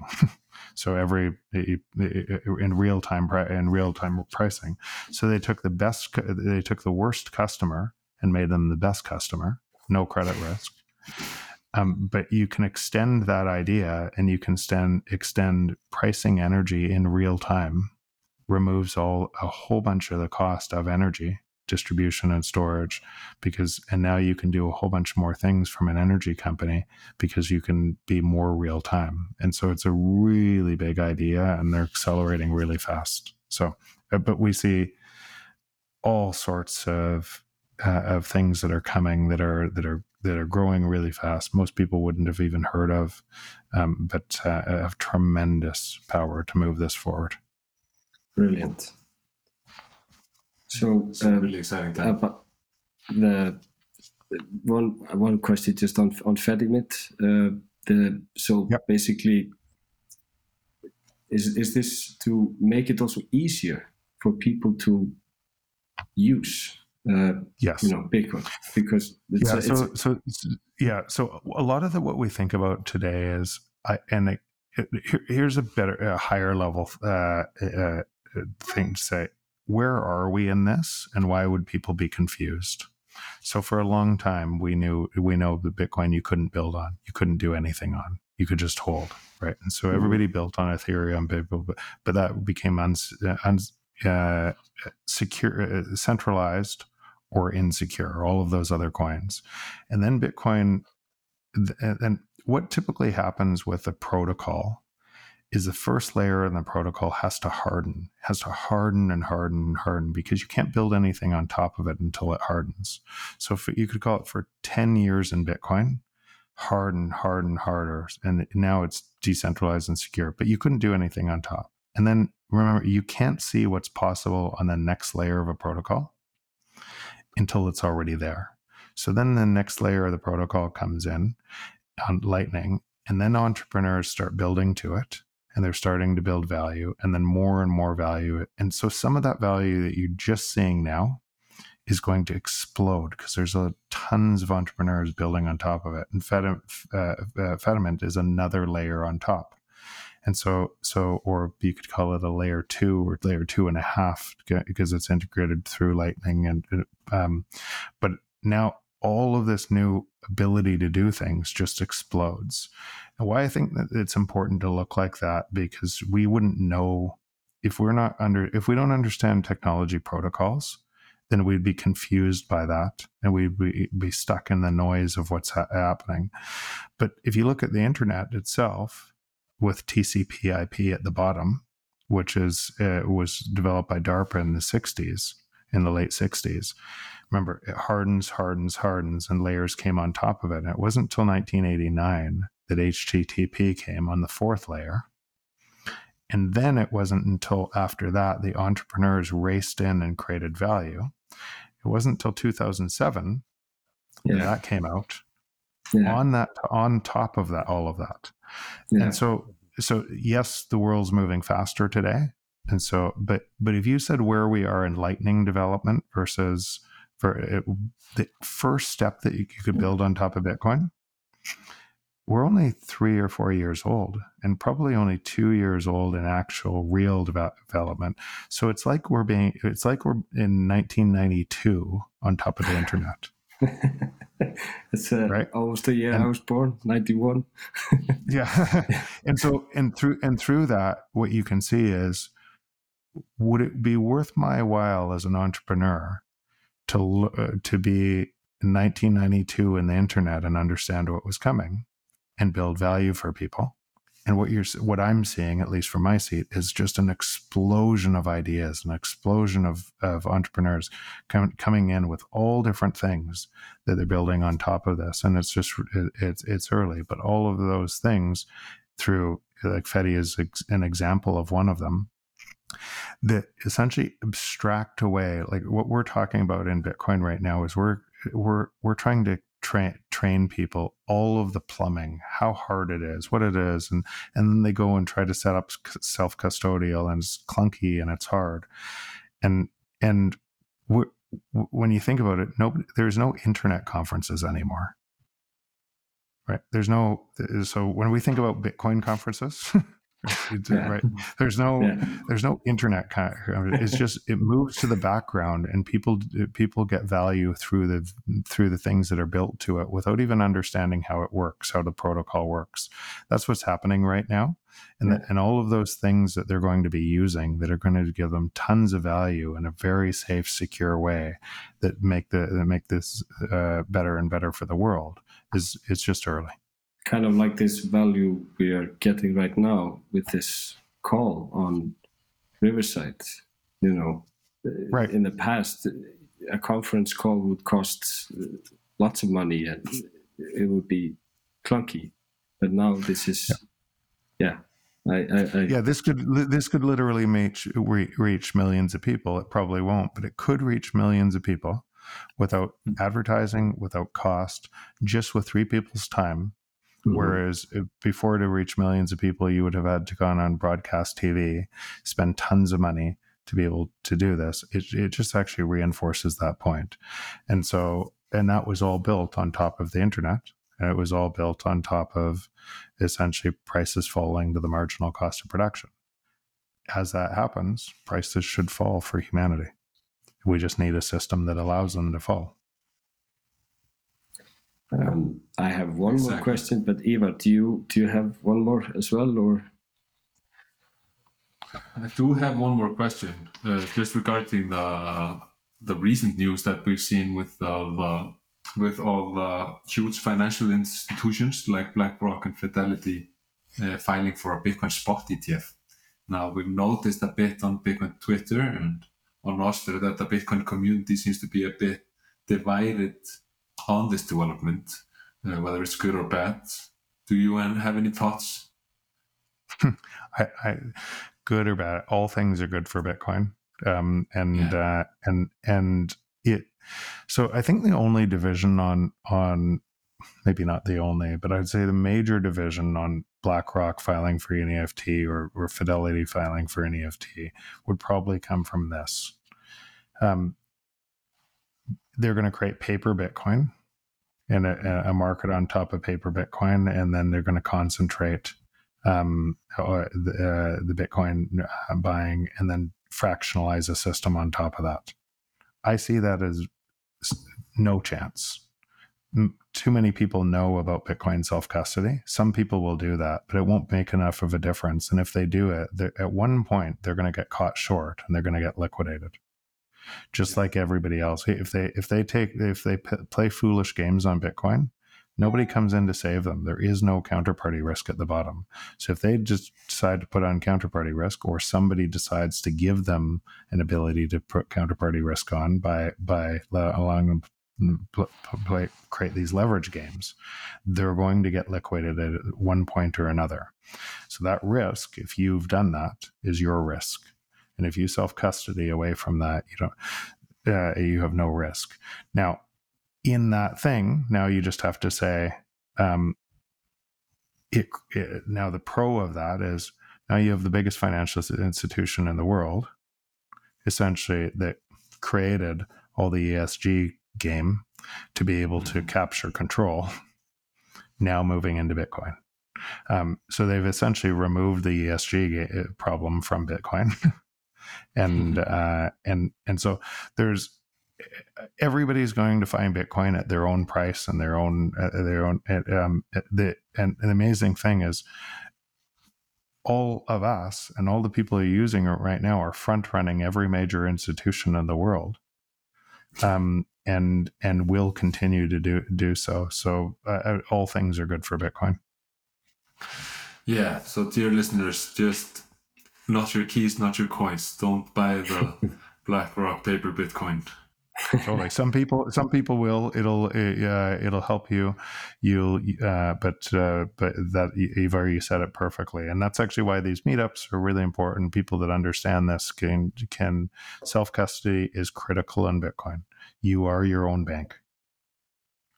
So Jeff, if you are ever in Iceland, please to contact us, and we will invite you to a to a Bitcoin meetup. I would love to. Would love to. yeah, we we also owe you uh, a beer definitely. Um, well, I I love beer. I love beer, Jan. So I'll take you up on it. Perfect. One last question, uh, just quickly on Nostr, because I have to yep. ask you about Nostr. Um, I I I contacted you on Nostr. Uh, I see that this is a new um, protocol that is forming. Yeah. Um, basically uh, also decentralized, at least uh, in the beginning. And you know, developers are building clients by themselves, which is crazy. Um, uh, new new versions of Twitter or social media, and uh, what more possibilities do you see with Nostr? So uh, lots. It, it, we're at the very early of, of Nostr, but but so the existing social media networks, and not just social media, Google as well, all benefit essentially from a really simple that they they they aggregate your information. You you provide work to them, and they monetize your work and they sell and they give it to you for free and it all centralizes.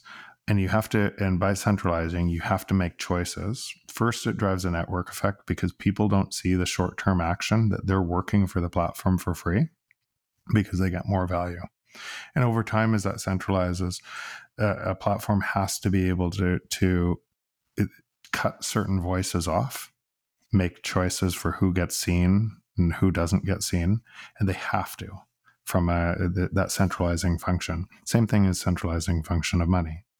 And so, so they get bigger and bigger and bigger, and the control accrues to whoever owns the platform, and everybody else works harder and harder on that platform. So if you're early on that development, if you're early in say YouTube, or if you're early in TikTok, then you grow as the platform grows and you think you're getting a whole bunch more because you can get paid, your your value expands, but then it has serious costs later on as you get censored or you get take, take, uh, uh, take, taken off. In Nostr, it works exactly the different different uh, opposite because it's at the protocol level that your keys uh, or your cryptography key, keys are at, at, at the protocol level. So all the clients are working in service to you so as this grows, you get to you can move your keys. If anybody changes the rules, any of the clients change the rules, you move your you move your keys to a new client that's competing for your attention, and all of your content and all of your followers and uh, come with you. So that has profound implications for the way that content, everything else is moved uh, through time. So it incentives incentivizes right now people to go early and create create following and then the, the client like twitter or youtube or doesn't control them. So so in other words you're not farmed for information so they can sell more advertising? You, you you can you can talk about whatever you want and and your audience is your audience. And and and i'll go one further.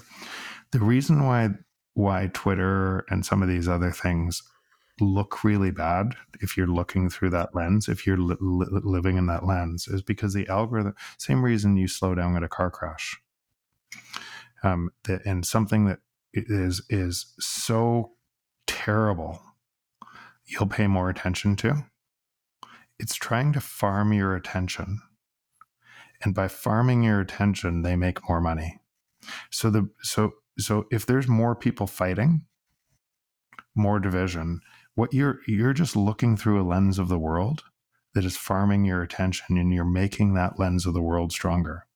That doesn't look the same in, in Nostr. It looks different. And you can see from the conversations that happen in Nostr, even though it's early, it doesn't it doesn't gain strength by dividing your attention.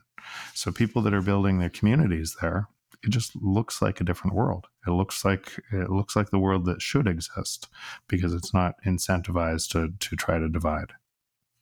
because these other platforms uh, that do farm your attention many times they they can be absolutely horrific um, it's like uh, tiktok you know the, the attention span is getting shorter and shorter and shorter Yeah. more dopamine Yeah. kicks Totally. and, and and and these challenges on tiktok there have been p- kids die from But it- doing yeah.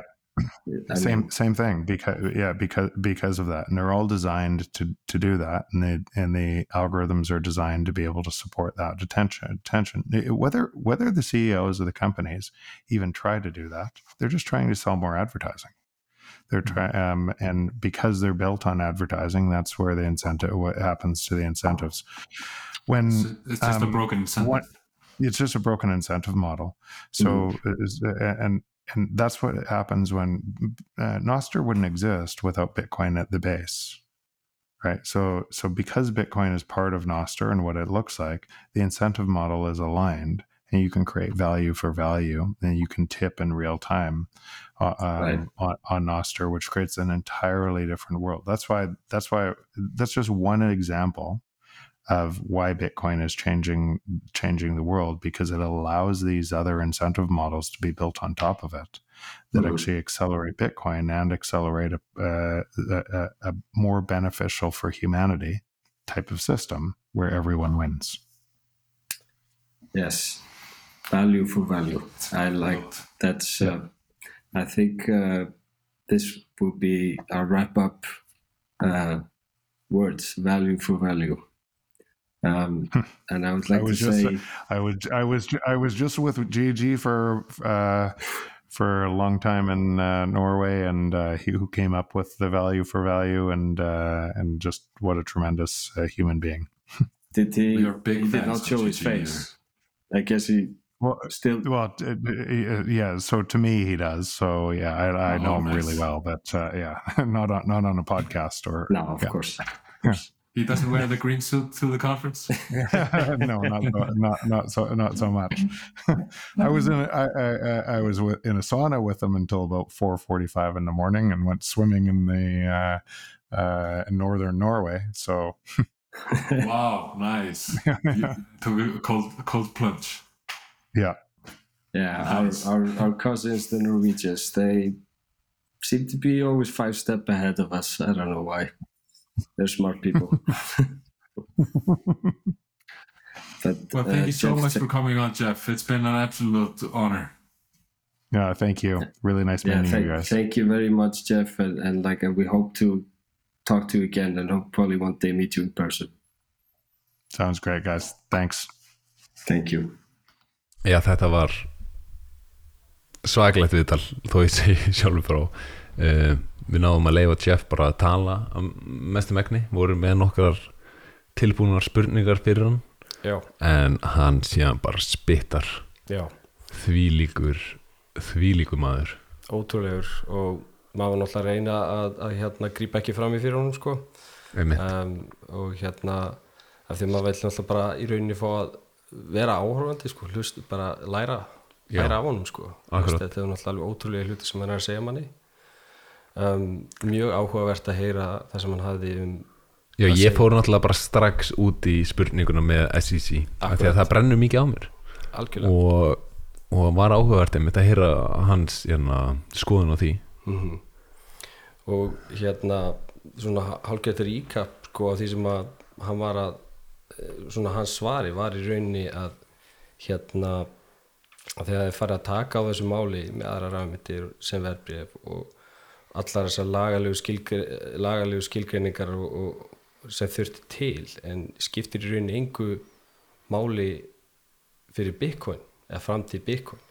En hann kom náttúrulega með hérna eina staðreind, nummer eitt sem er bara haf, hagfræðilegt lögmál. Verð á öllum vörum og þjónustu fellur náttúrulega að jaða framleiðslu kostnaði. Þess vegna borgar ekki lengur fyrir reikni vel að forritið í símanuðinum það er orðið frítt. Já, það er bara kóði já, það er bara kóði. Og það er auðvitað hægt að veist, koma einhver reglugerðum til að koma í veg fyrir að vela, vela lækki en til lengri tíma litið mun verð lækka með aukinni og skilvirkari framleiðslutækni. Og svo er það staðarinn nummer tvö sem er hagfræðileg staðarinn líka. Við höfum framleiðni sem er að aukast í veldisvexti með hraðri þróun í sjálfvirkni og gerfugreind samkvæmt þessu þá ætti verð að falla.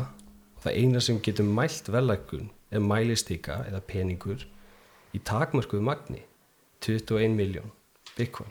Wow, þetta er eiginlega alveg magnað vegna þess að hann leggur þetta svo einfalt fram.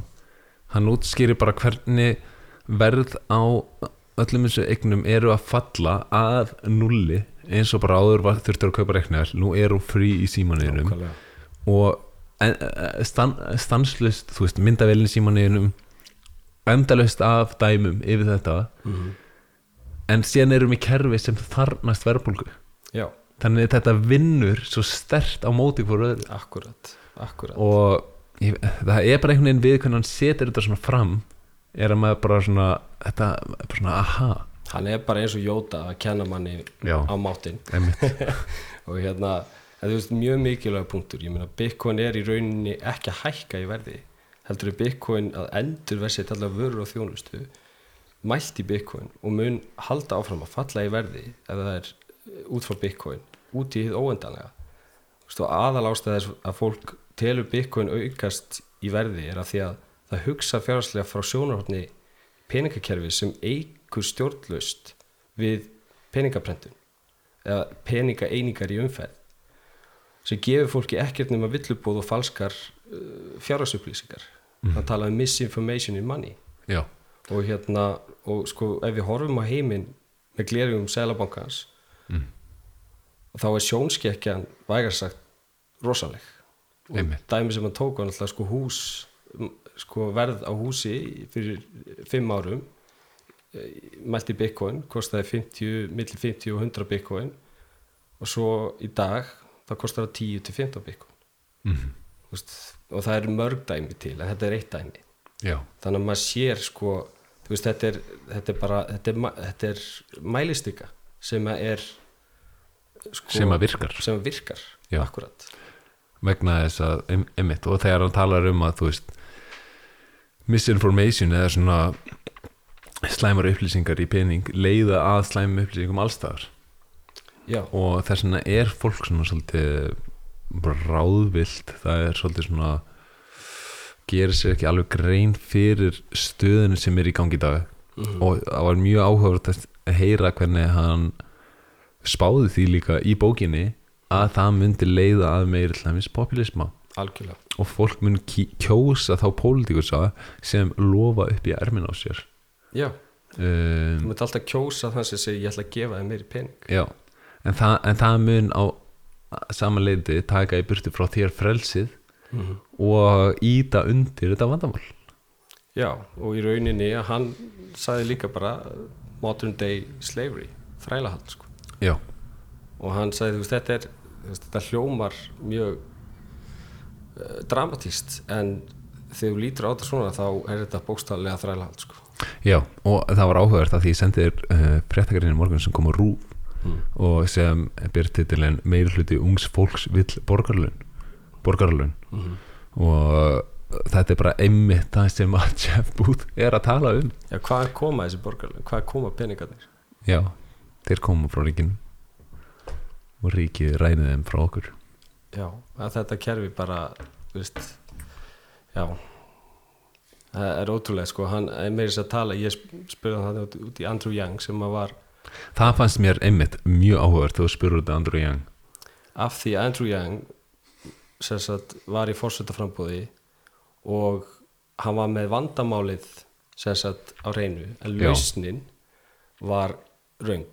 Mhm. og svo svo áhugavert hann sagði okkur svo talaði hann við Andrew Yang Já. á ykkur podcast, ég reyndar ekki hlusta á það. Nei, það er alveg það. og hann sagði sko að þar fekk Andrew Yang ljósabyrjum moment. Já, ég trúi því. En hann, hann myndist líka á það að þegar þú komið með lausn sem að er einföld og, og, og vinsæl að þá er mjög erfitt að bakka frá hann í skilur Öfmitt Ég mæli með að það er hérna YouTube channel Forward with Andrew Yang og það er The Price of Tomorrow Jeff Booth og Andrew Yang. Þetta er þáttu frá einu ári síðan og ég held að maður er mjög áhugavert að hlusta á hann. Um, Við spurðum hann síðan mikið út, svolítið út í mining. Það hefur náttúrulega verið mikið född í gangi á Íslandi. Hvað var það mining og líka und, bara nýlega af því að það eru komið ljós að með hlutin af gagnaverum á Íslandi eru bara í rammynda grefti og þá myndi ég halda aðalega Bitcoin. Mm einmitt. Mm. og bara svona fá hans svolítið viðhorf á þessu fyrir, fyrir fólk sem er efasamt Akkurat, það sem að okkur langaði náttúrulega til að vita var sko af því að Íslandi er svo vel í stakk búið varandi orku endurnýtanlega orku og hérna sko það fyrsta sem að maður þarf að spurja sig er sko ef við mannfólki þurfum að vinna hraðar á hamstarhjólinu og skuldsett okkur enn meira og eigða okkar dýrmæta vinnuafli á tíma til að borga tilbaka skuld sem er ekki hægt að borga tilbaka mm. Sko, og við miðum okkur saman við og reynum að ná áttum í kerfi sem er að garfast og í, í, peningastefninu og ráðskast með peninga, manipulera þá bústalega, til að hrinja ekki sko, á plánetu sem að hefur takmarkar auðlindir auðvitað, en þarnast sko stjó, þenslu og hagvöxtar veist, til, að, til, að, til að halda lífi. Einmitt, og þetta er á sama tíma fyrir að ég sé að grífa fram fyrir þér en þetta er á sama tíma og eins og nefnir að hlutir eins og myndavillin símaninum eins og hann reiknivillin eru að verða frýr. Þannig að það er myndavél sem er ekki hægt að skatleika lengur. Já. og það er reiknivél sem er ekki hægt að skatleika lengur. Akkúrat. þannig að við erum að missa úr hagkerfinu alls konar alls konar vörur sem er ekki hægt að skatleika lengur og gerir ennþá erfiðara að borga niður þessa gigantísku skuld sem að það var áhugast út sagðir, já það er praktikli ekki, ekki hægt að borga niður. Það var svona, nei það er ekki hægt að borga Já, niður. hann leiðir þetta mig sko. Já. sagði bara, það er ekki hægt. Já, það var svolítið það mjög gott hjá já, það var gott. En já, fyrir ekki. En svo sagði hann líka bara, þú veist, hann einfalda þetta í hnótskur Mm. þá er bara verðbólga er að sa saman sem spilling náttúrunar já, þú veist, og, og Bitcoin er sko, Bitcoin minerar eða bara Bitcoin er stanslust á höttunum eftir gnægri, ódýri, endurnýtanir orku hvað sem hann er að finna. Og af því að það er hagfræðilegu kvati til slíks þá sópar Bitcoin upp orku og í raun hagræðir að fullnýtur orkulindir sem annars bara fara til spillis eða nýtast ekki. Hvernig í ósköpunum getur það verið slæmt fyrir náttúruna og dæmi sem hann tók það var náttúrulega sko um, eða þú veist, í rauninni forseta þess að, að skilja það er að sjá að núverandi peningakerfi er að rústa náttúrunni með endalösu þörfu að hafasti mm. Íslendingar sett upp álver til að geima orku, orkun okkar í áli. Mm. Bitcoin er orkubatteri. Eins og fólk þarf sko bara að opna augum fyrir þessu og eins og Jeff sagði þá er þetta bjarga litlu þorpum í Afríku því að setja virkjanir og mæna Bitcoin. Mm. nefndi hérna fyrirtæki Gridless. Og þú veist, ég vona bara að Íslendingar rífi sig upp úr sleginu og fara að vinna í þessu að dugnaði eins og okkur var áður tamt sko. Ég verða samt að vera sammála umhverfisinum þegar sagt bara við viljum ekki virkja gullfoss. Nei, já, ég, ég er alveg samanlega því. Og, og, og það var mjög góður punktur hjá það líka þegar þú segir, sko, ég hef samúð með já, og við höfum, sko, við viljum ekki spilla náttúrunni. En sko, ef að þú er komið með virkjun sko, af hverju erum við ekki að nýta þessa afgangsorku í mæning einmitt. Og, og bara, þú veist, og líka mænararnir, þú veist þeir geta, þú getur slögt á þeim. Já, og eh, bara gera grein fyrir því að þegar fólk er að tala gegn því að sé verið að grafa eftir Bitcoin þá er að tala um að það sé tilgangslaus eðsla á orku að það er langt frá því að vera sannleikin og uh, Bitcoin er mjög mjög mikinn tilgang og er í stakk búið að snúa við þessum áhrifum, umhverfis áhrifum sem að Fiat kerfið hefur verið að valda Já. þannig að það er fátt betra sem við getum nýtt orkunu okkar í en að grafa eftir Bitcoin mm. og að uh, Bitcoin er komið til að laga þetta vandamál sem að hann setur svo einfallega og vel fram Mhm. um, þannig Svo take home líka, bara þú veist, ekki taka þátt í núverandi peningakerfi. Bitcoin er ekkert nema bara sangjöld, höfubók, peningur sem segir bara sannleikan og ekkert annað. mm Og það er hægt að skýla sig bak við legar, en því fyrir sem fólk fer að spara, nota og byggja í þessu nýja sangjarna peningakerfi, því betra. Þannig að ef þú ert að geima peningaðina á bankabók, hlustandi góður, þá ert þú að borga fyrir 400 triljóna dollara skuldir fjármálakerfis sem er löngu orðið gjaldróta. wow. virkilega vel orða Jón um, þetta var alveg einstaklega skemmtileg upplifun og við vonumst eftir því að fá fleiri svona sleggjur Já, í viðtal til okkar. Það vonu ég líka. ég held að sé spennandi tími á, framöndan fyrir byltinguna. Við erum með ímislegt annað uh, uh, brúandi í eldnum. Þannig að ég myndi býða spennt eftir tilkynningum um allskins Yes. takk fyrir hlustununa kæru staflarar út um land allt munið að stafla satt og forðist krypto og og hafi von fyrir framtíðinu af því að þakks í Bitcoin þá er hún björt. Og með mátturum vera með þér. yes